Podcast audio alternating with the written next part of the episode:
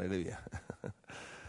Men det är inte kallt här inne, utan det är varmt både i hjärtat och i lokalen. Är vi glada för. Jag tänkte på nu när jag skulle börja predika, så fick jag lite sån här flashback ifrån eh, från 80-talet. Jag kommer ihåg, jag kommer ihåg när, när Maria, var, var där med Håkan Westergård och, och predikade i Finland och i Vasa, jag vet inte var vi var någonstans.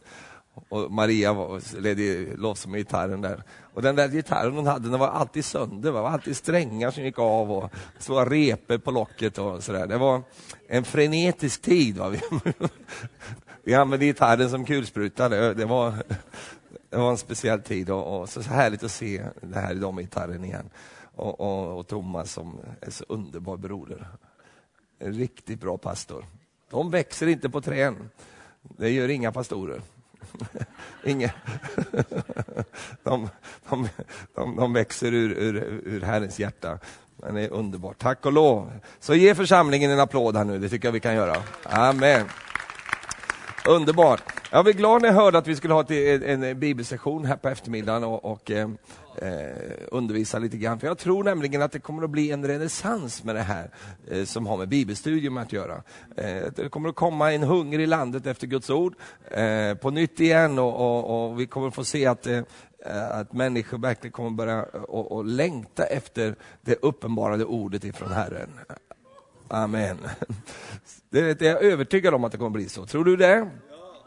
Så jag vill tala lite grann om Guds ord idag och eh, vad Guds ord gör för dig. Det här är inga nyheter för de flesta utav er, men det är så härligt att, att eh, friska upp sina eh, tankar och si, sin, sitt sinne med eh, de här underbara orden.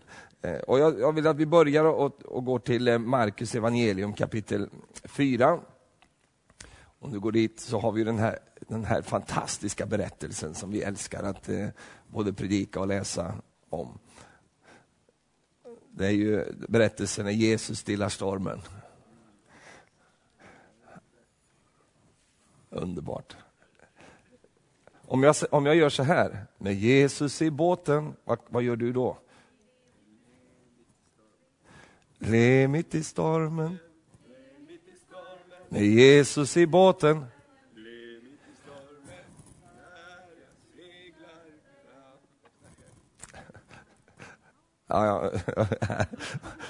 Underbart, och det kan vi verkligen göra.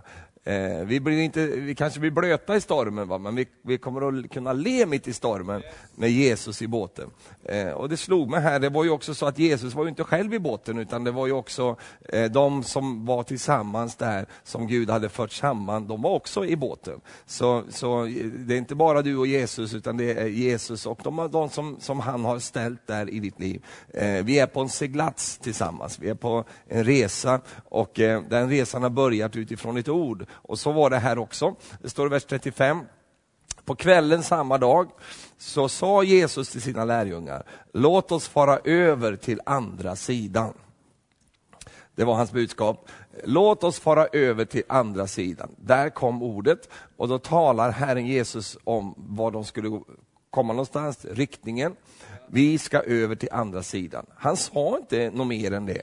Han sa ju ingenting om vad vi sen läser om. Han sa ju inte att det blir en storm eller att det kommer att bli problem under seglatsen. Här. Han sa ingenting om det.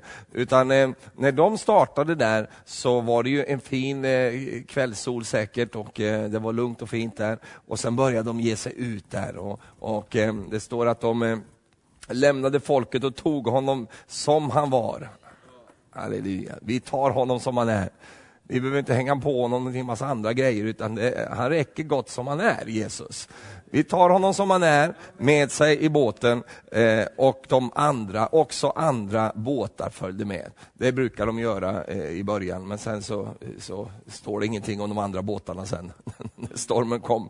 Men, men på, på, den båten Jesus fanns, där, där, där hände det saker. Och eh, sen vet vi vad som hände. Då kom en häftig stormby och vågorna slog in i båten så att den höll på att fyllas. Själv låg han i akten och sov på en dyna. Då väckte de honom och ropade, Mästare, bryr du dig inte om att vi går under? Och han vaknade och talade strängt till vinden och sa till sjön, tig, var tyst. Och vinden la sig och det blev alldeles lugnt. Han sa till dem, varför är ni rädda? Har ni ännu ingen tro? då greps de av stor fruktan och sa till varandra, vem är han som, eftersom både vinden och sjön lyder honom? Och, och eh, här ser vi att, eh, och det är det jag vill ha som en utgångspunkt, att när Jesus talar så, så finns det en, en, eh, ska vi säga, en trygghet där och vi kan bara eh, ta till oss hans ord och handla på det ordet. Sen vet vi, eh, både av din erfarenhet och du kan veta det också i framtiden, att eh, seglatsen eller den eh, resa du kommer att få göra, den blir inte problemfri. Och ibland så, så kanske vi, jag vet inte vad det är vi ibland eh, lägger in i de här orden som Jesus säger. Och, och, och, det är ju viktigt att veta det också, att när Jesus talar så får du bilder. Då ser du någonting framför dig.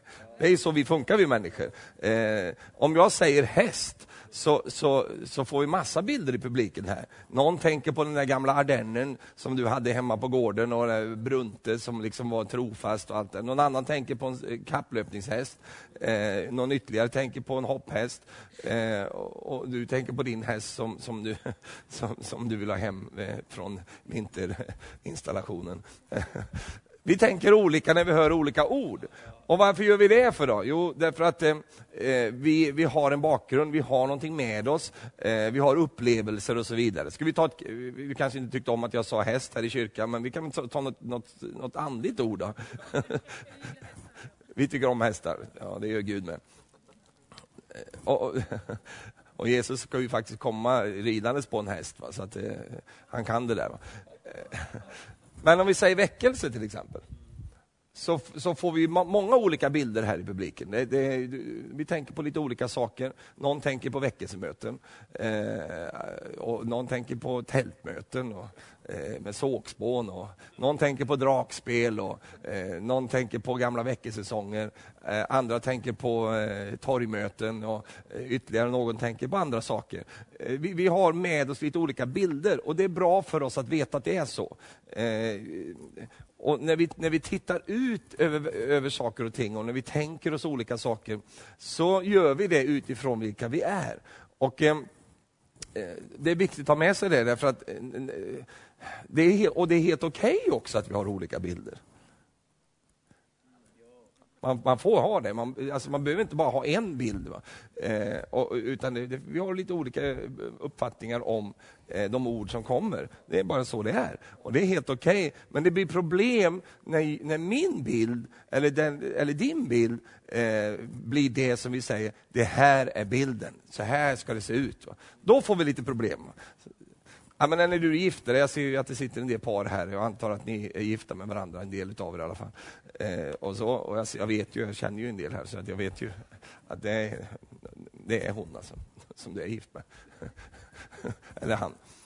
När man, när man ska gå in i ett äktenskap, då, då går man in med bilder där också. Va? Och de har man ju med sig hemifrån och, och, och, så vidare. Och det dröjer ju inte så jättelänge i äktenskapet förrän de här bilderna börjar krocka med varandra. Och man börjar liksom referera till hur man brukade ha det hemma. Att min mamma gjorde ju aldrig så här och, och min pappa han var ju sån här. Och, och, och, man har med sig de där bilderna. Ibland har vi, är vi stolta och glada för det och liksom hävdar att det, är det här är det riktiga sättet. Och ibland så är vi så att, att vi vill absolut inte ha med oss detta i äktenskapet därför att det här är någonting som vi är ledsna över och, och, och så vidare. Eh, men oavsett om det är positivt eller negativt så är det ändå intressant och bra att veta att vi har de här sakerna med oss. Så, när, när, och jag vill säga det för att säga det här. Halleluja. Att, om, om du vågar ta den tanken. Att ingen av oss ser på verkligheten som den egentligen är. Utan vi ser på verkligheten som vi är. Det var det, det, var det va? Mm, mm, mm. Jag kände att jag steg lite i graderna här, för att nu tyckte pastorn att det här var bra sagt. Då kände jag liksom att jag fick lite poäng där. Men det är så att, vi, om, om du kan tänka tanken, därför att eh, till och med saker och ting som, som är fakta, va? Alltså den här byggnadslokalen, den här lokalen här, det är ju fakta. Va? Det, är, det är ju väggar och tak och det är många olika saker. Men till och med det eh, har, har, vi olika bilder runt. Va? Därför att en del kan tänka så här att, oh wow, liksom, det är en underbar lokal. En annan tänker, åh vad stor den här lokalen var. Alltså vi, vi ser på lite olika sätt även på när det gäller fakta. Eh, och, och, Det är också helt okej okay. när jag säger bil. Va? Så det är massor av olika eh, tankar som sätter igång här nu. En del tänker på den gamla Skodan du har hemma som aldrig startar. Eh, och, och, andra tänker på andra saker. Och, och, Det är sådana vi är. Och vi får inte liksom eh, pusha över våra bilder och säga så här är det. Eh, det här är den absoluta sanningen. Därför att det är ingen av oss som bär sanningen, utan sanningen ligger i hans ord. Och när vi då kan eh, ha det där med oss och så går vi in i texten igen, då säger Jesus, låt oss fara över till andra sidan. Då förstår ju vi när vi läste resten också, att när de fick eh, problem i stormen där, så hade de inte räknat med att det skulle bli så här jobbig resa. De hade inte tänkt att det skulle, de tänkte, ja men då glider vi över där liksom, och så, så, så har vi lite, eh, åker över på en räkmacka om det nu går att åka på en sån. Men vi åker över där och så. Man har inte förberett sig för att det kunde bli jobbigt här. Eh, utan de, de eh, blir förvånade och de blir till och med lite besvikna över att Jesus inte verkar bry sig så värst mycket om den där stormen, utan han låg ju så på sin kudde där, eh, och, och, eh, och, hur han nu kunde sova i det läget. Va? Alltså de här båtarna, det var ju inga, det var inga Silja Line som man, som man eh, åkte över med, utan det var ju ganska små båtar. Och det var ju ingen, eh, ingen, ingen på det sättet skön komfort på de båtarna. Och ännu mindre när det, var, när det kom en storm och kastade omkring båten. Men han låg där och sov. Det enda som kunde väcka dem, det var att de, väcka honom, det var att de ropade på honom, skakade liksom sömnen ur honom. Då vaknade han. Annars hade de inte, han hade inte vaknat där. Han kanske tyckte att han behövde sova där, därför att han visste vad som skulle komma därefter. Han skulle få jobba ganska mycket där med, med den här demonbesatte mannen där så småningom. Men just detta att då när han talar så säger han ju, han ger ju inte en, en detaljbeskrivning av vad det här kommer att handla om. Har du märkt det? Utan han kan ge ett ord Eh, han kan säga eh, bara några få meningar och eh, sen så handlar vi på det. Och så fylls ju liksom resan av alla möjliga händelser. Och då är det så viktigt att när det gör det, och, och jag kommer till en punkt den som jag kallar för löftet och problemet. Va? När löftet är där så kommer också problemet att komma in i ditt liv av alla möjliga slag. Och då är det så viktigt att vi då förankrar oss i vad var det han sa? Han sa att vi ska över till andra sidan. Om han har sagt att vi ska över till andra sidan, då är det till andra sidan vi kommer. Han lovade inte att vi skulle komma över med båten, men han lovade att vi skulle komma över. Låt oss fara över. Halleluja. Låt oss fara över. Han inkluderar sig själv och han inkluderar alla andra också. Alla kommer över. Hur de skulle komma över, det pratade han inte om, men han sa bara, vi ska över, halleluja. Och, och eh, Själva eh, grundtanken med den här, eh, den här stunden vi har tillsammans, det är just detta att du och jag behöver förankra oss i och eh, verkligen eh, lita på att det han säger går att lita på. Jag tycker om det norska ordet för tillit eller för att, att, att lita på. Det säger de stole på. Säger de. Jag tycker om det ordet. Stole på. Sätt din stol där. Va? Halleluja. Där, jag, jag, jag, placerar mig där. Har han sagt det så kommer det bli så. Och även om det blir prövningar och utmaningar på det där ordet som han sa, så kommer det där ordet ändå att hålla och det kommer att bära mig hela vägen igenom. Halleluja. Amen. Så, så Jesus talade och sa detta, låt oss fara över till andra sidan vad är det som håller oss uppe i alla stormar? Vad är det som gör att vi kan ändå eh, fortsätta och att ändå komma dit vi ska? Jo, det är att det är hans ord bär oss. Hans ord håller oss uppe. Jag menar, om, om du kan svälja den tanken och ta emot den, hur viktigt blir det då inte att ha hans ord? Eftersom det är hans ord som är det som håller allt sammans uppe. Det står ju, han bär oss med sitt allmaktsord, han bär oss med sitt ord. Och, och Sätter vi vår, vår förtröstan till det ordet, eh, så kommer vi också kunna komma över på andra sidan välbevarade. Amen. Men just det här, för att återknyta lite grann vad jag sa innan, att just när vi har de här bilderna och vi tänker lite olika saker så, eh, som har att göra med vandringen med Jesus, att på något sätt ibland kan det smyga sig in att det ska inte vara några problem, det ska inte vara några utmaningar. Och kommer det utmaningar, då börjar vi ifrågasätta riktigheten i det som han sa. Eh, men nu har du ju en massa jobbiga grejer här nu. Och då börjar vi kanske maska upp det där ordet som, som han har talat till oss om. men då kanske han inte ville detta, eller det kanske inte var meningen att vi skulle göra det här. Titta vad jobbigt det blev nu. Eh, då istället vända på det och säga så här, när han har talat så blir det jobbigt. Det blir tufft, va? därför att det reser sig upp ett motstånd mot det ord som han har talat. Och fienden försöker göra allt han kan. Du vet ju det står i Markus 4 att eh, att när ordet blir sått så kommer den onde för att riva bort det där ordet. Va? Så det finns, en, eh, det finns ett intresse från mörkret att om möjligt ta bort den där, eh, det tilltalet som Gud har gett dig för att eh, du inte ska komma dit, där Gud, dit Gud vill att du ska komma. Så därför så, det är inte så konstigt egentligen. Det skulle snarare vara konstigt om det inte blir något no, no motstånd. Det, jag menar, nu älskar inte vi motstånd och problem, va? men det är lika bra att räkna med det. Va? Du behöver inte se så ledsen ut bara för att jag säger så. ja, ja. jag vet att du bara tänker. Därför ser du ledsen ut. nej, nej. Nej, men just att, att eh, ha med sig det i bagaget. Om du läser Bibeln och du ser när Gud har talat, men titta bara på, på trons fader Abraham. När Gud talade till honom så blev det ju inte en enkel resa för honom. Utan det blir en resa fylld av strapatser, av väntan, av, av eh, uthållighetsprövningar, eh, en mängd olika saker. Och, och, det blev också komplikationer därför att han ställde ju till det för sig eh, genom att eh, springa, springa före Gud och agera och, och, en hel värld lider av detta, eh, detta snedsprång om, om du så vill.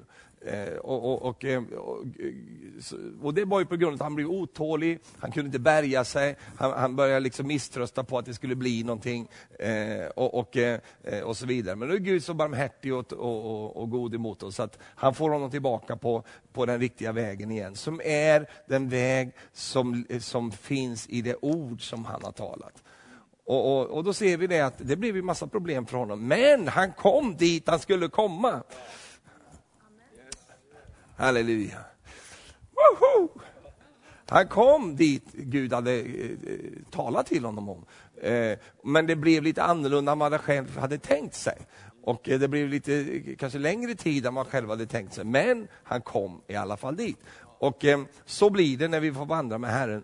Vi får vi, får en, en, en, ska vi, säga, vi kommer att komma dit Gud vill att vi ska komma. Halleluja, vad underbart. Så det här vill jag säga att det är hans ord som bär oss igenom stormarna och prövningarna och utmaningarna. Och därför så är det så viktigt för dig och mig. Vad är det som gör att du kan klara av en storm i ditt liv, att du, att du kommer igenom? Jo, det är att du vet vad Gud har sagt. Du vet vad han har sagt till dig och du håller fast vid det. Du håller fast vid det löfte som han har gett dig. Och du säger, precis som Abraham, jag vet inte hur, det finns inga förutsättningar, det, det, det, det som var jobbigt eh, redan när vi började är ju ännu värre nu. Därför att nu är jag ju ännu äldre och det blir ännu mer eh, omöjligt det här. Men jag vet att Gud kommer att hålla sitt ord. Gud älskar när vi är sådana. När vi, när vi ger honom vårt förtroende och säger Gud, det här ser inget vidare värst ut, det här, du, du, du har gjort det svårt för dig. Eh, du, du, du liksom kallade en som inte kunde få barn eh, och, och, eh, och dessutom var gammal så han har lite tid på sig. och så. Men det är ju ditt problem Gud, du har ju ställt till det för dig. Men jag, jag litar på att du är mäktig att göra det du, har, det du har sagt att du ska göra. Han tvivlade inte på Guds löfte i otro. Utan han blev fast med starkare i sin tro, ty han ärade Gud. Wow. Och just detta underbara att, att, att ha en förankring, att verkligen lita på det Gud har sagt. Det är själva fundamentet för din och min tro. Amen. Gå till Matteus kapitel 8 ska du få se.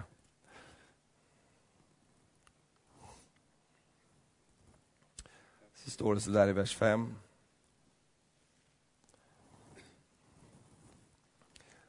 Här har du en som, som Jesus hade, sa hade starkast tro i hela Israel. Och det står i vers 5, då Jesus var på väg in i Kapernaum så kom en officer fram och bad honom. Herre, min tjänare ligger lam där hemma och har svåra plågor. Och Jesus frågade honom, ska jag då komma och bota honom? Men officeren svarade, sa, jag är inte, Herre, jag är inte värd att du går in under mitt tak. Men säg bara ett ord. Säg bara ett ord. Ja, men det är ju det. Tänk dig själv, du har Jesus hos dig. Va? Alltså i, i, i pers som person, han är där. Och Jesus själv säger, jag kan hänga med dig hem och fixa det här problemet. Jag, jag kan komma. Och då säger den här mannen, nej men det, det, det behöver jag, det är inte värdiga att, att du kommer in under mitt tak. Men eh, säg bara ett ord till mig. Vi lever ju i en tid då ord inte betyder så mycket. Så, men, men det ju, betyder bra mycket mer vid den här tiden. Eh, och, och, och eh, det var ju så att på den tiden var det ju så att, och den här mannen förklarar ju sen också, tilltron han hade till ord. Va? Att han visste att om, om, om du bara säger ett ord, då litar jag på det. Nu för tiden kan vi inte lita på det när någon lovar någonting. Det går ju inte, utan därför måste vi ha jurister som skriver kontrakt. Då. och vad du än ska köpa måste du ha liksom ett sjusidigt kontrakt då, eh, och, och, för att täcka upp det här. Va? För man vet att det här kan liksom eh, lätt eh, bli någonting annat. Men vid den här tiden, och, och du, du, ska inte vara så jättegammal för att komma ihåg att eh, ett handslag, det räckte gott. Va? För man, man, man, man höll fast vid sitt ord. Va? Har jag sagt det så är det det som gäller. Var har vi fått det ifrån? Jo, vi har fått det från Gud. Va? Har han sagt det så är det det som gäller. Va? Jag talade till ungdomarna igår och, och talade just utifrån det här att eh, ja är ja och nej är nej. Va? Och Jesus säger själv, därutöver, vad därutöver är kommer från den onde. Ett tal ska vara ja och det ska vara nej. Och någon mittemellan finns det. finns inget så här kanske hos Gud. Va? Det finns, det finns inget veligt hos Herren. Va? Utan han, han, är, han är absolut. Och när han säger någonting, då är det så. Och han, han liksom springer inte efter sitt ord och säger, du, jag, jag, jag förhastar mig lite, jag blev lite glad där. Va? Och, och, och, så, vi, vi, vi, vi gör om det där. Va? Han gör inte om någonting, va? utan han har sagt, det är inte spontant, utan det är planerat. Det är för att han vill detta. Alltså Gud är ju inte Gud som bara får ett ryck så här i himlen. Och, eh, ja, jag tror att vi sänder lite väckelse i Övik helt enkelt. Vi, vi, det, det, behöver de. Det är inte så, utan Gud han är en planerad Gud och han, allt han gör är genomtänkt och det kommer ifrån eh, hans bestämmelse, att han har bestämt de här sakerna. Amen. Och vi sa igår också att Gud är inte nyckfull. Va? Så att, så att eh, han är på ett sätt en dag och på ett annat sätt en annan dag. Han är absolut inte lynnig. Va? Tack och lov för det. Alltså. Om du känner lynniga personer så vet du det att, att du, du, det blir en viss otrygghet, för du vet aldrig vad du ska möta för någonting. Jag berättade också igår, när jag får lite, liten, att jag har en kompis som växte upp med en pappa som var alkoholist. Och han sa det, det jobbigaste med det att växa upp med en sån pappa, det var att man visste aldrig vad man skulle möta. För ena dagen var han som en ängel och gav mig saker och så vidare för att han hade dragit i sig lite sprit och så, så då var han jätteglad. Men nästa dag så kunde han vara som en demon. Och han sa till mig så här, det var lite starkt, men han sa så här, jag hade föredragit Eh, att pappa hade varit som en demon jämt. Därför att då hade man vetat vad det är man har att handskas med, vad det är man har relaterat till. Men nu visste man inte det, för ibland var han den mest underbara pappan som fanns. Och han var eh, kärleksfull och, och hände det någonting? Eller var det bara mitt öra? Eller? Det hände ingenting. Fick, det händer något hela tiden. Okay. Eh, men, men, men, men andra dagen kunde han vara fruktansvärd. Och det skapade en otrygghet i mitt liv som gjorde att jag kunde inte lita på honom. Jag kunde inte, jag, jag kunde inte vara säker, jag var inte trygg i hans närvaro. Eh, för att, och det kunde också ändra sig från en timma till en annan. Och det var väldigt jobbigt att växa upp med det. Eh, och det skapade just den här otryggheten i honom. Eh, och, och, Jag tror att en del människor med, med olika typer av bakgrund där också har lite svårt för det har färgat av sig på deras relation med Gud. Att man inte riktigt, riktigt på djupet litar på Gud. Man, man litar inte på att det han säger är, är det han menar och det han menar är det han säger. Därför att vi har olika bakgrunder och olika utgångspunkter. Men, men, Gud vill hjälpa oss här och han vill få oss till den där punkten där, där vi verkligen bygger vårt eh, hela trygghetssystem runt det han har sagt. Halleluja. Amen. Har han sagt det, så har jag det. Han kanske inte säger nej, jag ska ha det. Han säger inte på vilket sätt jag ska ha det, men han säger att, och det räcker för mig. Halleluja. Den här mannen han fattade det här, va? för han förstod det här med, med, med viktigheten av ord. Han förstod viktigheten utav, av de sakerna. Han förstod också hur man relaterar till löften. Eh, och, och, Det står här, eh, du behöver inte komma hem till mig, säger han, för jag är också Säg bara ett ord så blir min tjänare frisk. Det räcker att jag, jag får ett ord på det, så, så, så grejar det sig.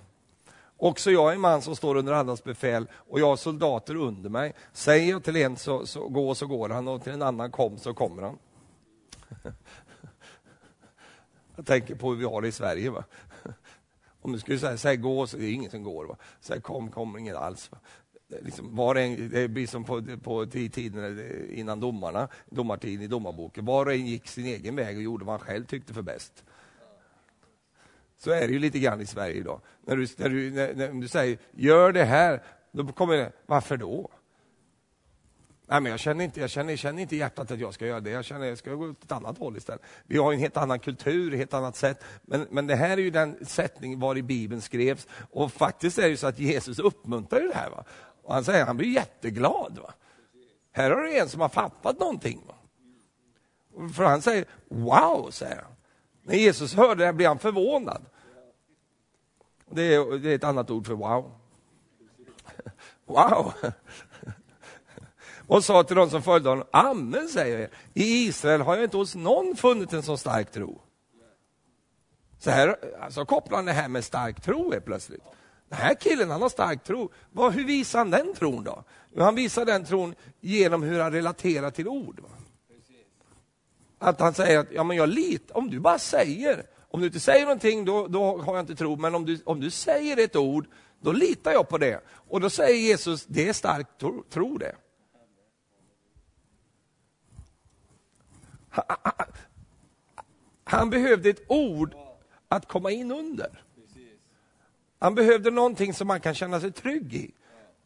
Han säger inte så här, men bara håll om mig Jesus lite grann och krama mig nu och så, utan säg bara ett ord. Så Vi, behöver inte, vi behöver inte gosa någonting.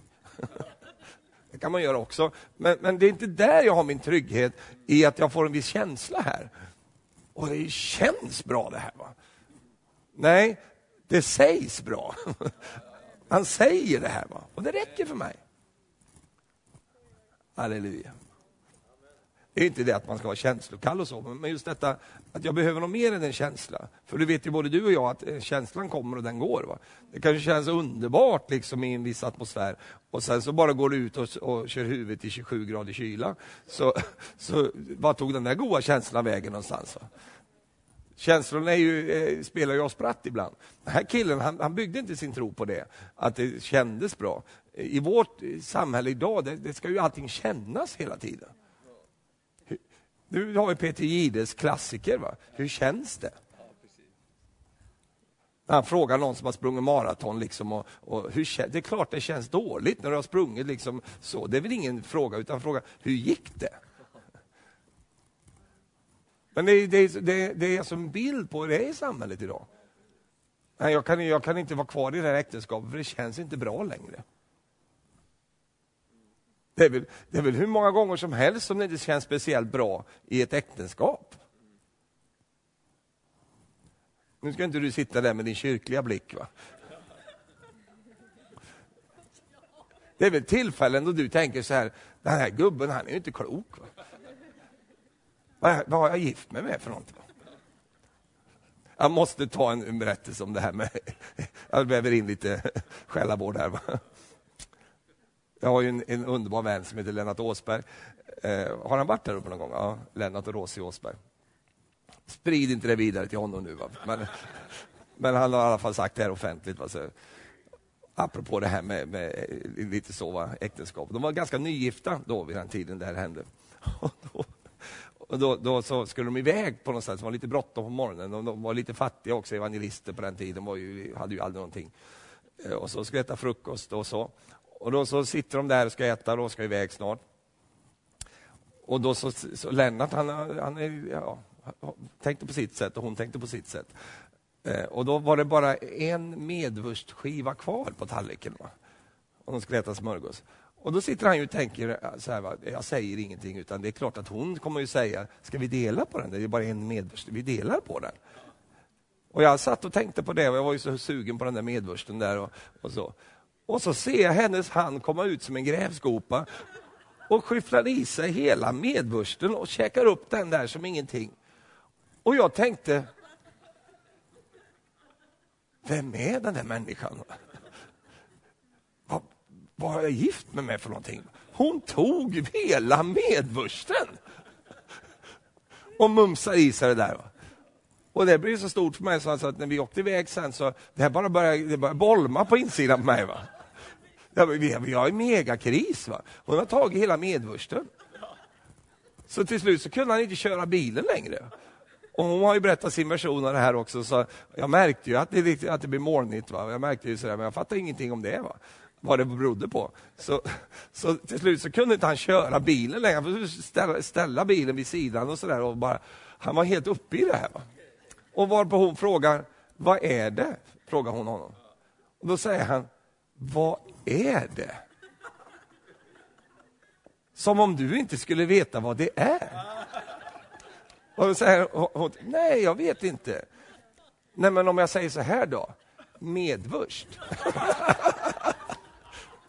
Va? säger hon. Va? Ja men du, du tog ju medvursten.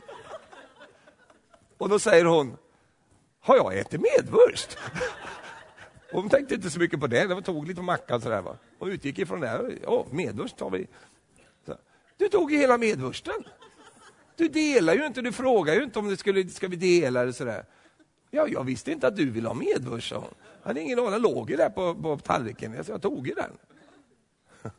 Så fick de reda ut det där och så vidare. Vad kan vara poängen med det där då? Jo, alltså det, det, det, det händer ju saker i ett äktenskap, eller hur?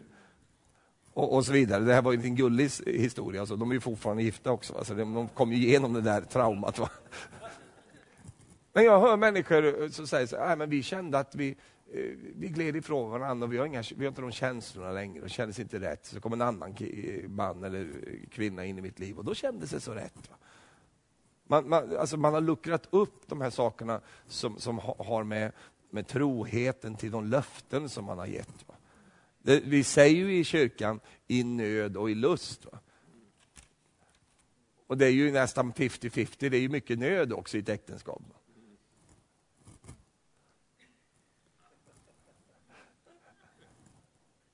Inte i ditt, det är klart, för nu är vi uppe i Övik här och här är det ju, finns ju inga sådana grejer. Men alltså, längre ner i Sverige så då har de ju en del utmaningar även i äktenskapen och så vidare. Men det ger oss inte anledning att säga, att men då, då känns det lite så nu och, och då så kan jag gå med det. Nej, utan jag går med de löften jag en gång gav och håller mig fast där. Sen vet vi att det finns extremfall och det finns olika saker där det faktiskt Eh, måste ske det där. Va? Därför att jag menar, det finns misshandel och det finns allt möjligt, va? grova saker. Men det är inte det jag pratar om nu. Utan jag pratar om att det, det faktiskt är värt att hålla fast vid de förbund som man har ingått och hålla sig där. För det ligger en välsignelse i att göra det. Om man då sen kopplar detta till, till andra saker som Gud talar om, så det är det som välsignelse att, att, att kämpa för att vara kvar där. Va? Och Den här mannen han fattade här att eh, ett ord räcker, för jag, han visste att Jesus kommer att hålla det där ordet, för han var likadan själv. Och han såg ju i Jesus en auktoritetsperson. Han såg att Jesus, han, han predikade med makt och myndighet, han talade med auktoritet, han, han, han bar fram sitt liv på det sättet. Och, och därför så, så, såg han en like på det sättet i Jesus. Och, och då så visste han att, ja, men, om du säger det här Jesus, ja, men då, är det, då är det fine. Då, då, då, då, då går jag in under det ordet och litar på dig. Halleluja. Amen.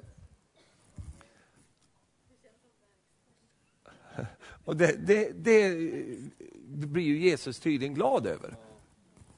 Halleluja.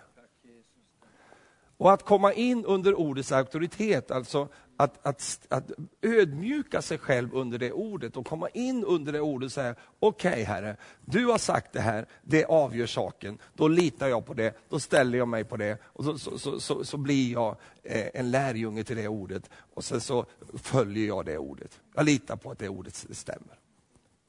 Och då kommer du och jag komma in i stor, känslomässiga stormar som bara drar iväg oss åt alla möjliga håll. Blir det någonting, kommer det att hända och så vidare. Vi kommer, alla kommer att känna det där. Men vi håller ändå fast vid detta. Nej, men han sa det och vi litar på det. Amen. Därför är det ganska bra ibland att vi får ta emot ett ord eh, där det inte är så känslomässigt eh, hajpat. Va? Utan det kan komma till oss där vid nattduksbordet eh, och Herren kan tala till oss i stillheten på olika sätt. Därför att det, det, ibland så kan man ju koppla det där med en känsla, men eh, om känslan inte alltid är där, utan ordet bara kommer i sin enhet och sin klarhet, så, så blir det en sån eh, stabilitet för oss. Halleluja. Varför blir jag blöt när jag duschar? Bra fråga. Det är väldigt enkelt. Det är ju för att jag ställer mig under duschen. Ja, men du blir ju inte blöt bara för att du, du vill bli blöt. Va? Du blir inte blöt för att du ens går in i badrummet. Va? Utan du blir blöt när du ställer under kranen. Va? Då kommer vattnet att flöda. När blir ordets välsignelse en del i ditt liv? Ställ dig in under ordet och ödmjuka och säg, Herre, ditt ord är, min, är mitt ljus, ditt ord är min lampa, ditt ord lyser upp vägen för mig. Jag ställer mig där och så, så, så underordnar jag mig det ord, ordet, halleluja. Det var det den här mannen ville säga. Och då så eh, förlöstes den tro som eh, han hade i sitt hjärta och då så kunde han få, i samma stund blev tjänaren frisk. Amen. När det där klaffade, då kom vattnet från kranen och då blev det en härlig välsignelse. Amen. Jag tänker på det här, vi, har sån här vi, kan, vi kan gå dit också. Det är, det är väl Lukas, tror jag. Gå till Lukas kapitel 23, är det väl, tror jag. Ska se om jag hinner dit före dig.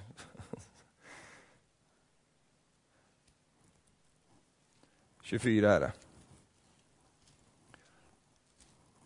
Det här tycker jag är ett så underbart exempel på det jag försöker säga nu. Här är vi Jesus och Emmausvandrarna här. Och det, det, det, är ju väldigt turbulent här som har skett här nu. Jesus har, har dött och han har begravts. Och, eh, nu är han uppstånden ifrån de döda och, och det är några kvinnor som har, har sett honom, har sett att graven är tom. Och det står i vers 13. Och se, två av dem var just på den dagen på väg till en by som heter Emmaus. Och den ligger 60 stadier från Jerusalem. Och de gick där och samtalade med varandra om allt som hade hänt. Så gick och snackade där liksom med varandra om allt som hade hänt. När de nu talades vid och överlade närmare, eh, överlade så närmade sig Jesus själv och slog följe med dem.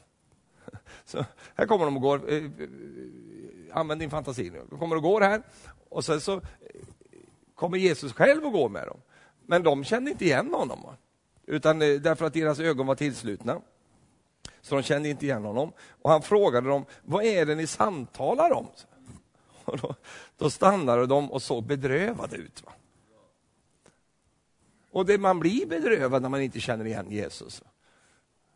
Men nu är ju han den uppståndne själv ibland dem.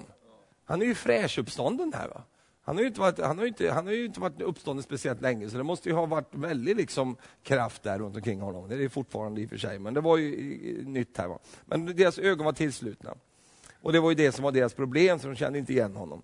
Och då stannade de och såg bedrövade ut. Den ene som heter Kleopas, det är ju inte hans fel att han heter så, sa till honom, är du den enda främlingen i Jerusalem som inte vet vad som har hänt de här dagarna? Och, så, och han frågar dem då, vad då? Vad har hänt? Ja, men han som har hänt frågar den frågan. Va? Och då svarade de, det som har hänt Jesus från Nasaret, en profet, mäktig i ord och gärning, inför Gud och allt folket, honom har våra överstepräster och rådsmedlemmar utlämnat till att dömas till döden och låtit korsfästa. Eh, men vi hade ju hoppats att han var den som skulle frälsa Israel. Till allt detta kommer att han redan låtit den tredje dagen gå sedan detta skedde. Och så vidare har några kvinnor bland de våra gjort oss uppskakade. Det är nog rätt bra på. Har de kommit här och stressat upp oss här. Va? Och för de gick tidigt på morgonen till graven. Det gör de, alltså det är så härligt med kvinnor. Va? I och för sig nu i den här lördagen så var det annorlunda för då var det männen som var tidigt i kyrkan. Men eh, de var, var, var tidigt på graven. Men vi fann, de fann inte hans kropp. Och då kommer berättare att de hade sett en änglasyn och att änglarna hade sagt att han levde. Är det det här som har gjort dem så bedrövade? Va? Att de har fått höra nu att han lever och änglar har visat sig och de är jätteglada. Bedrövade blev de när de hörde de här grejerna. Och då gick några av oss till graven och då fann att det var så som kvinnan hade sagt. Men själv såg de inte. Men, men honom själv såg de inte. Han sa till dem, så oförståndiga ni är att, och tröga till att tro på allt profeten har sagt. Måste inte Messias lida detta för att gå in i sin härlighet? Och dessa, vi stannar där, därför att sen står det att han började med Mose och alla profeterna och förklarade för dem vad, vad som var sagt om honom i alla skrifterna. Så vad gör Jesus här då? Här, här öppnar Jesus upp i bibelstudium för dem. Jag tänker bara, han skulle kunna kört en annan stil. Va? Han skulle kunna kört ett av sina uppståndelsetricks där. Va? Han skulle kunna bara gått genom en vägg och komma tillbaka. Eh, vi vet att han gjorde sånt. Va? Han skulle kunna bara, whoop, borta, tillbaka. Han skulle kunna gjort alla möjliga grejer. Va? Men det gjorde han inte, utan han går igenom Bibeln med dem.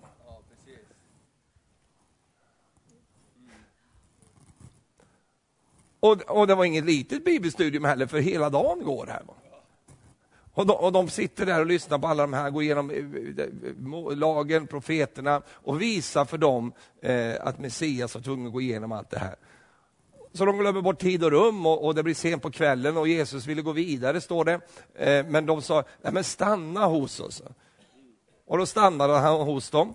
Och sen så eh, står det det att när han sen eh, bröt brödet inför dem när de skulle äta, då föll fjällen från deras ögon och då kände de igen honom. Wow, det är ju han! Det här är vad, vad Gud vill göra, tror jag, eh, i våra liv. Han vill komma till oss. Hur vill han komma till oss? Jo, han kommer gåendes på skrifterna. Han kommer genom ordet. Va? och så öppnar han upp våra ögon så att vi känner igen honom. Halleluja. Och det är så underbart. Och så, I den stund som de, han, de kände igen honom, då står det, men då försvann han. Va? Så då tog han en sån här grej, va? Puff, då var han borta. Liksom. Så han kan ju de grejerna också, om man säger så. Va? Han är bra på allt, han Jesus. han kunde ha gjort det innan, han kunde ha sagt, ja men kolla här på mig, kolla in i mina, i, i min, det var ju bara Thomas han sa det till, eh, kolla, kolla, kolla på mina, mina, mina händer och se på såren och så vidare. Men, men, men de här så fick inte några sådana saker, utan de fick ett bibelstudium. Vad, vad, vad, vad, kan det leda oss till för tanke? Jo, detta att Gud vill att du och jag ska söka eh, Jesus i hans ord. Va? Och faktiskt vara glada över det. Va? För menar, nu predikar jag ganska mycket bland ungdomar också, och, och där, där, får man ibland den här känslan, ja, men Bibeln, liksom, det är jobbigt att läsa den, jag bara somnar så fort jag läser den, jag fattar ingenting vad som står där. Eh, och så säger men jag vill ju bara uppleva någonting, jag vill ju känna Herren och så vidare. Och, och det finns massor av upplevelser att få från Jesus, han, han, är ju, han, är, han kan göra det. Men, men, han vill leda oss till den här platsen där vi, där vi sätter oss ner vid hans ord och verkligen eh, tar till oss hans, hans ord och säger, Herre tala till mig. Därför att tron kommer av från ordet. Det kommer från att Herren talar till dig. Och ibland kan man tycka att jag har, jag har för lite tro, men jag skulle vilja vända på och säga så här, nej, jag har för lite ord. Jag har för lite ordet i mitt liv. Eh, för att ordet eh, och tron hör samman. Och när Herren får förmedla sitt ord till dig så växer tron i ditt hjärta. Den där tron som är hjärtats tro, som, som växer fram som en, en tillförsikt, en överbevisning, eh, någon, någon starkt över ditt liv, som gör att oavsett hur känslorna är, hur omständigheterna kan vara i ditt liv, så är det ändå så att jag tror på vad han har sagt. Halleluja. Det är ju Romarbrevet 10, vers 17. Så kommer nu, nu också tron. Va? Eh, den kommer av förkunnelse. Halleluja, den kommer av predikan och predikan i kraft av Kristi ord. Så tron är egentligen inte vårt, på det sättet vår största utmaning, utan den kommer. Ja, men så den kommer inte till mig. Nej, det kanske den inte gör, men den kommer till ordet. Om ordet finns hos dig, då kommer ordet, eh, tron till dig. Jag hör mig själv säga några bra saker här nu. Och jag känner ibland så här att min tro vacklar lite grann. Jag känner ibland att jag har inte riktigt tro. Man, man, kan, man kan faktiskt bli lite eh, missmodig och lite vankelmodig och lite eh, trossvag ibland. Jag vet att du tycker det är väldigt häpnadsväckande, för det blir aldrig du. Men, men, men eh, det finns människor som blir lite trosvaga ibland. Det blir vi allihop. Och ju mer vi tittar på oss själva, ju mer vi tittar på hur det ser ut i Sverige just nu, och ju mer vi tittar på olika saker, så har ju det en effekt på oss. Va? Och vi kan liksom bli lite, åh, det vacklar lite grann på insidan. Hur ska vi lösa det då? då? Jo, då löser man det genom att få in mer av Guds ord i sig. Om jag eh, i mitt liv känner att jag har inte tro för den där grejen, så, så, så, kapitulerar inte jag inför den tanken och säger, men jag har inte tro för det, så då, då får, du bli, får du vara med det. Utan jag tänker så här, jag kan ju få tro för det. Och hur ska jag få den tron då? Så kommer nu tron av hörande och hörande i kraft av Kristi ord. Så vad är det jag måste göra då? Jo, då måste jag göra precis som Emmaus-lärjungarna. Jag måste bjuda in Jesus så att han får visa för mig sig själv i skrifterna. Jag måste öppna upp ett bibelstudium, jag måste, måste vara i ordet, läsa ordet, jag måste meditera på det och få det in i mig så det smälter samman med mitt inre, så att ordet får växa fram i mitt hjärta till tro i mitt liv. Halleluja, halleluja. Tack Jesus. Och när jag håller mig borta ifrån ordet så kommer också tron att försvagas. Men håller jag mig nära ordet och låter ordet vara nära i min mun och i mitt hjärta, då kommer också tron att vara stark i mitt liv. Och, och, och så, om du känner att din tro vacklar lite grann och du liksom blir lite missmodig, känner jag har inte den där tron riktigt och, och, och, sådär. Jag är ingen sån där troshjälte, inte trostark i mitt liv. Det är, så är det för oss allihop med jämna mellanrum. Och att vi känner att vi står inför en utmaning som är mer än vad vi hade innan. Och, och då, då, är det en del som löser det på det sättet och säger, nej men det är på det sättet, jag har inte tro för det. Nej, du har inte tro för det, men du kan få det. Jag känner det kommer en liten applåd här. Det, är på, det är på gång här nu, va? halleluja. Och då löser jag det genom att jag, jag går in i Herrens ord. Min fru hade inte tro för att eh, bryta igenom i sin svåra sjukdom. Jag berättar för dig många gånger, säkert om du har hört mig predika någon gång mer än den här gången. Sen brukar jag alltid flyga in den här vittnesbörden. För hon kände liksom att hon stod inför en sån otäck utmaning. Va? Hon, fruktan bara slog emot henne och fick den här cancern. Och det var så jobbigt för henne. Och nu är det här eh, 12 år sedan. Eh, och, och, så, va? hon hade inte, och kände att det vacklade där. Va? Fruktan var starkare än tron. Va? Det kan vara så ibland. Och då gjorde hon det hon har blivit lärd att göra och, då, då som, och inspirerad av andra som, som hade gått den här vägen, till exempel Doody Osteen, till exempel eh, John Osteen eh, som är pappa till Joel Osteen som har den här stora kyrkan i Amerika. Hon fick också sånt här budskap och, hennes, eh, och fruktan var så stark och rösten var så stark och tron bara pep lite grann. Så här. Har du varit där någon gång? Fruktan bara så... Och tron... Visst kan det vara så ibland i våra liv och omgivningen kan hjälpa till också. Oh, det är rena Krösa-Maja-stilen liksom. Oh, det är blodförgiftning. Oh, så där dör man utav. Så, så, så, bara förmedlar det här liksom. Det bara växer då. Bara för att du har fått en liten sticka i fingret liksom. Och det bara växer på. Och, och, och tron bara piper lite grann som en liten mus. Va? Men det där kan bli en förändring på.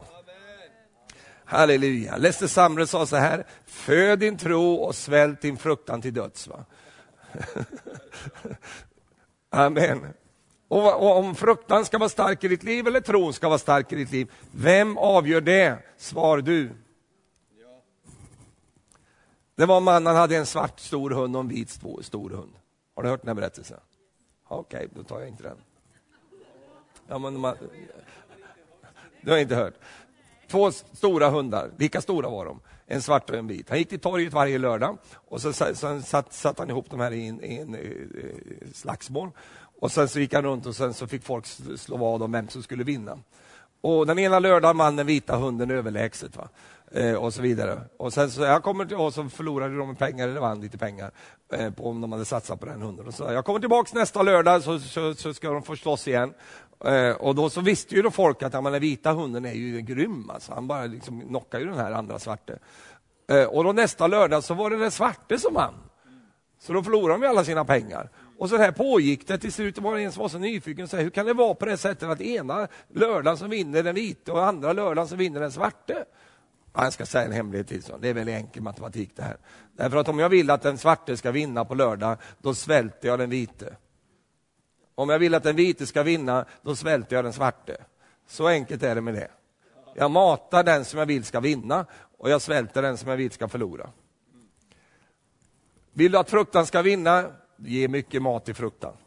Vill du att tron ska vinna, ge mycket mat i tron. Och vad är det för mat tron behöver då? Tron behöver Guds ord. För utan ordet finns ingen tro. Halleluja. Men med ordet så kommer också det här, jag skulle inte vilja använda det ordet, men vi gör det i alla fall, och du förstår det, finns det här härliga tillbehöret som kallas för tro. Amen. Och du säger, det är tro jag behöver. Ja, det är det, men det kommer genom ordet. Och du säger, jag orkar inte läsa ordet. Nej, men då orkar du inte tro heller. Tro vill du ha, men inte ordet. Det går inte att dra isär de där två. Man måste ha båda saker och man måste börja med Guds ord. Och när vi fyller oss med Guds ord, det betyder inte att du ska sträckläsa Bibeln eller liksom ha någon slags lagisk stil här. Utan du ska vara precis som Maria, sätter dig ner vid Jesu fötter och bara dricker in av det han vill säga till dig. Därför att det stod ju där om den här mannen, säg bara ett ord. Och vad är det för ord? Jo, det är det, just det ordet som är stenen i slungan som Gud vill använda för att knocka fienden ut ur ditt liv. Så, och, och det där enda ordet som du behöver, det finns där bland alla ord. Eh, och, och, när du söker Gud, då, söker i skriften, rätt vad det är så hoppar ett ord upp ifrån Bibeln och blir ditt ord. Det blir Guds ord till dig och Gud talar till dig och säger, det där är ditt ord. Och då väcks tron i ditt hjärta. Ho, halleluja! Jag älskar ju det där, jag berättade för dig förut, det här med när man växte upp i kyrkan, alltså, de här bröderna, som, de var ju alltid så gamla, de här som skulle läsa inledningsord. När man, när man är nio år så är ju alla gamla som är över en viss ålder. Va? Och de skulle läsa inledningsord och det var alltid såna speciella namn de hade också. Va? Såna här, liksom, ja, inte Hagbard kanske, men, men det var såna härliga namn. Va? Och, och så, så, gick de upp och så var de alltid lite glö, glödgande i sin approach. Så, va? Och så sa de så här, ja, i morse nu när, när jag skulle eh, förbereda det här inledningsordet så, så satt jag in, i, med min bibel och, och så kom det här till mig. Tänk att ett ord kan komma till dig. Och någon annan sa så här, ja, när jag läste det här så, så blev det här ordet så levande för mig. Och när man är en liten nioårig kille så tänker man ju på, på, på, med nioåriga tankar. Och jag tyckte det var så spännande det där. Ord blev levande och det kommer till en och, och vad, vad, vad spännande. Men alltså, vi förstår ju detta idag, om du har levt i det här och läst, läst i Bibeln, så är det precis det som blir när ordet blir levande gjort på insidan, när anden lyser upp det där ordet så du ser det och det blir som en, en, en liksom ett tilltal till dig och det blir liv i det. Och just där kan du fundamentera ditt liv, därför att där, där i har Gud talat. Va?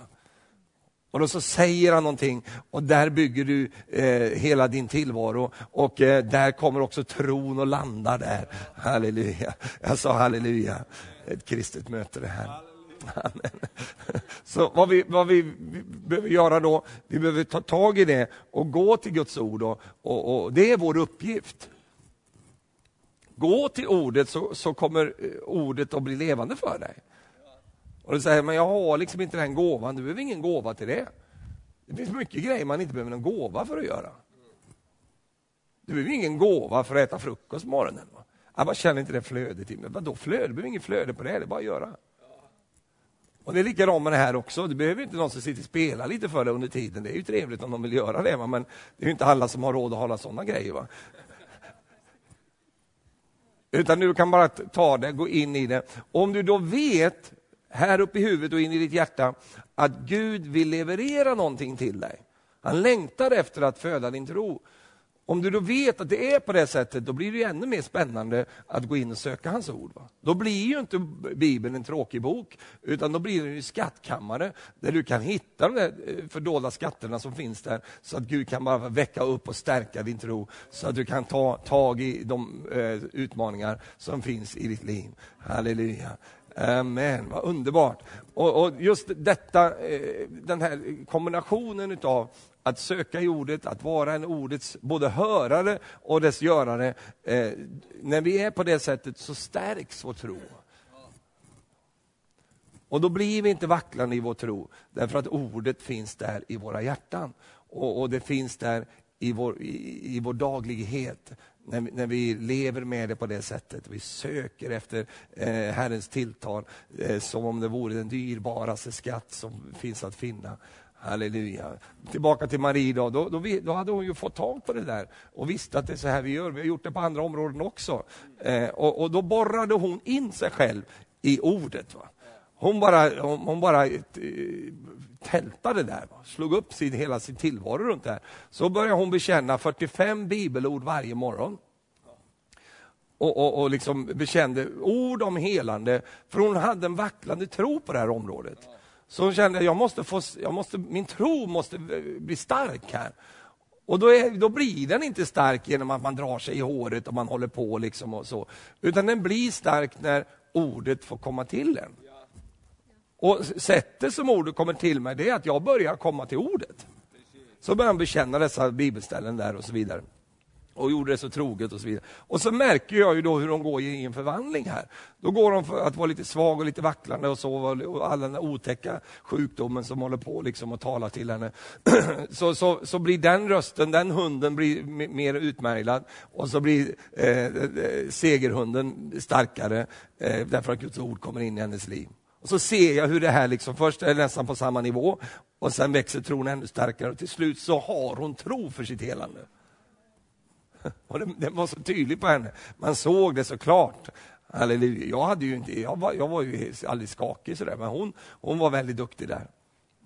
Och det här är ju 12 år sedan nu ungefär som det här hände. Vet du vad? Fortfarande varje dag så håller de på med de här bibelversarna. Jag säger till henne, så till henne, kan du inte sluta med det här? Du har ju varit hela nu i 12 år. Ja, jag vet, men jag vill bara slå till djävulen lite till. Ja. Jag vill bara knocka honom lite till, jag vill inte ge honom något utrymme. Så hon fortsätter där och håller på med de här bibelversarna och så vidare. Och, och kom, kommer du till henne och säger, ja, men jag tror att den här sjukdomen tar knäcken på mig. Alltså, du, du, du kommer aldrig, hon kommer bara, uh, det går inte att vara sjuk hemma hos oss. Jag försöker hela tiden, men det går, det går inte. Jag är lite mer så här, lite eh, klen på vissa grejer. Och jag är lite hypokondriskt lagd också ganska mycket, måste jag erkänna. Så jag får ju för mig hela tiden att jag har massa sjukdomar. Så försöker jag få lite empati från henne där och så vidare. Hon bara stirrar på mig. Va? Hon har ju kämpat sitt livs kamp. Va? Kom inte här och liksom eh, så. Hon är inte ofin på något sätt. Hon är ju kärleksfull och så, det är inte så. Men hon har de där tigerögonen. Vet, så man får... Så var nu i våras så fick jag för mig att jag hade fått diabetes. Va? Därför att jag hade pratat med en kille som hade diabetes. Va? Så jag frågade, jaha, har du diabetes? Och då, ja, hur blir man då? Så? Ja, man blir väldigt trött. Jaha. Och då, ja, just det, men jag är rätt trött. Va? Och sen får man springa på toaletten hela tiden också, så kissa mycket och sådär. Törstig är man jämt. Va? Ja, jag kom ju precis från toaletten. Här. Och sen började han förklara det här och så vidare. Så då började det här. Va? Har du fått för dig någonting någon gång som inte har någon verklighet i sig? Och så kom jag hem och så gjorde jag en mycket dum sak. Då gick jag hem och så slog, började jag googla på diabetes. Du vet man i, datorn och man kan slå på olika ord. Så, så slog jag upp diabetes och det kom upp hundratals sidor om diabetes. Va? Så här kan du veta att du har diabetes. Och, det var, och då så läste jag de där. Det stämde ju in allting på mig tyckte jag.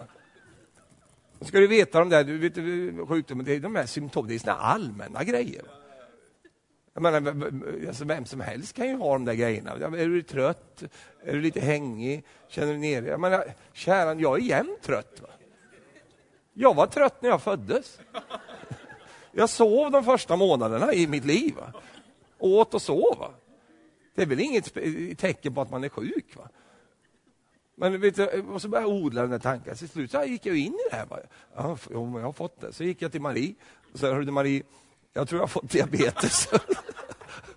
och hon känner mig, va? så jag så sa jaha, har du fått det också? Hur har du fått reda på det? Så.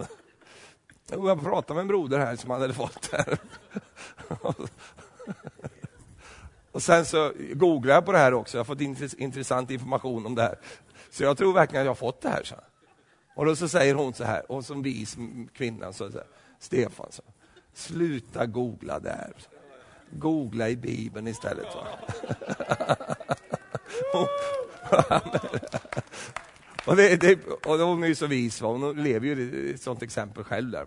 Men tror du jag lyssnar? Nej då. Jag gick tillbaka till datorn direkt va, och kollade, fortsatte att mata på med det här. Så jag gick in i den här liksom, och så blev jag lite sjuk. Jag kände jag var lite svag nu och, och sådär. Va. Så började jag prata med mina barn. Så, ja, nu pappa har blivit lite dålig här nu.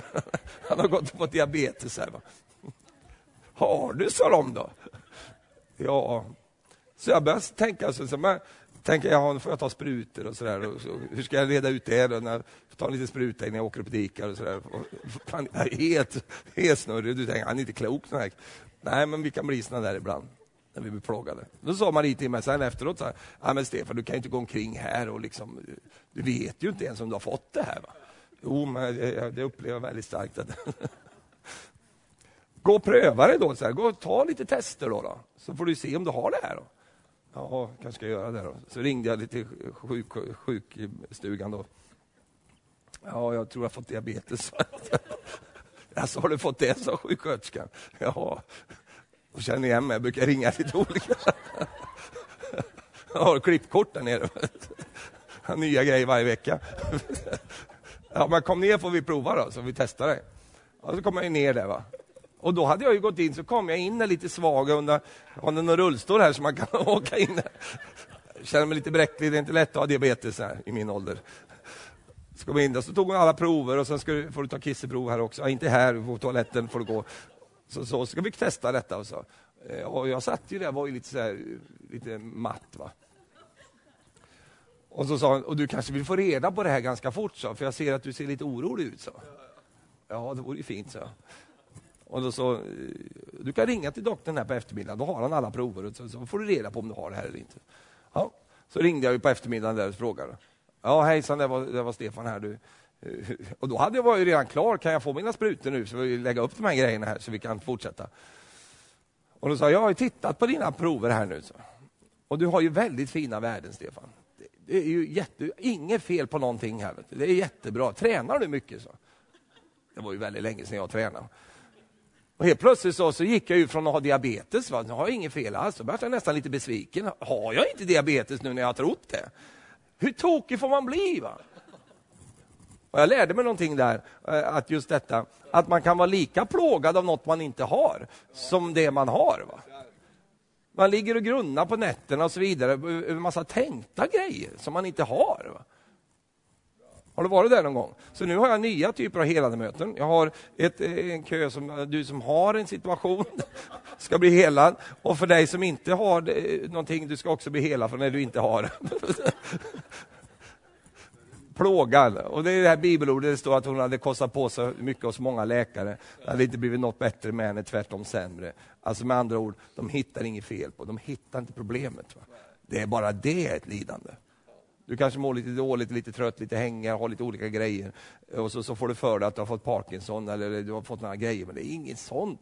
Utan det kan vara något annat. Men vad det än är för någonting, och om det ändå skulle vara som i Maries fall, att det är en verklig otäck sjukdom, så finns det läkedom i alla fall.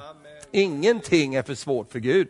Men om det bara är en plåga i sinnet och allt detta, det är nog så illa det. Det kan Jesus hjälpa dig med också. Halleluja. Han hjälpte mig också, så nu har jag inte diabetes.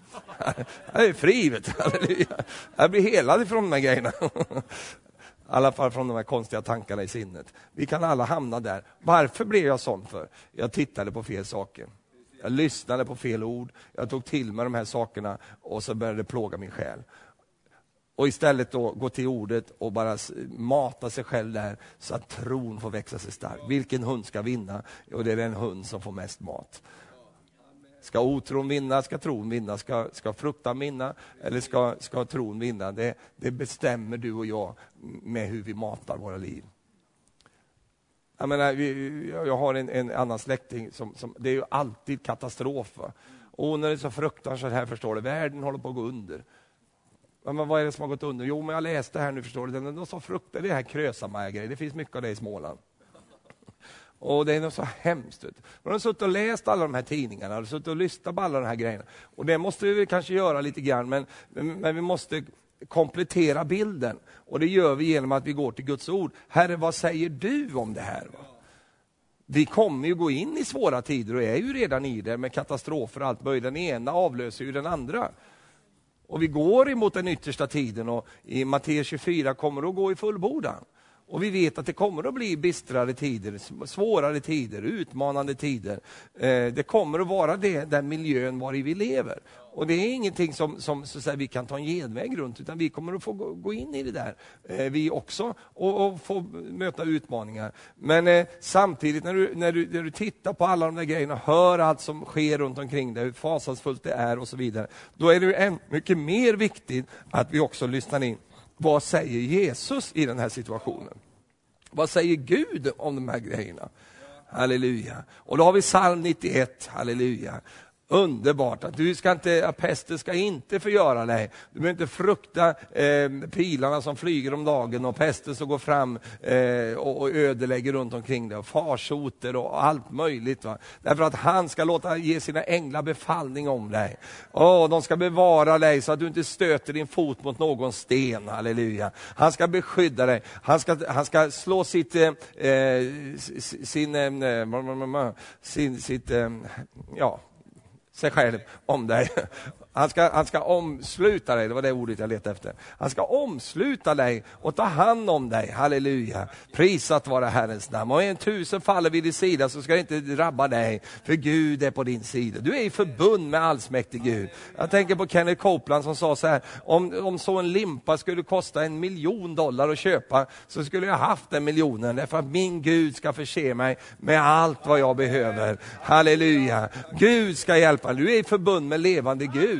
Och Gud ska ta hand om ditt liv. Och det, hur får man den här liksom klangbotten i sin bekännelse? Jo, ju mer av ordet vi har i oss, ju mer de sakerna kommer ut ur oss. Halleluja. Vet du vad? Bibeln säger att vi är världens hopp. Och, och, vi kommer att vara med och, och bärga en stor skörd i den tid som ligger framför och, och i den, den vedermöda som världen måste genomgå. Så, så kommer vi att vara där och vi kommer att vara brinnande för Gud i den tiden. Halleluja. Jag sa vi kommer att vara brinnande för Gud i den tiden. Och vi kommer att ge hopp till hopplösa. Vi kommer att säga det är inte kört för dig därför att Gud sitter fortfarande på tronen och han ska hjälpa dig, han ska ta hand om dig. Halleluja. Det kommer att bli så tydligt eh, eh, mellan de människor som verkligen har Gud till sin Gud och de som bara har lekt runt omkring det här. Eh, men du och jag, vi vill inte leka i det här utan vi vill vara seriösa och allvarliga i den tid som vi går in i. Och därför så förbereder vi oss genom att fylla på oss själva med Guds ord. Halleluja. Åh, oh, jag sa halleluja.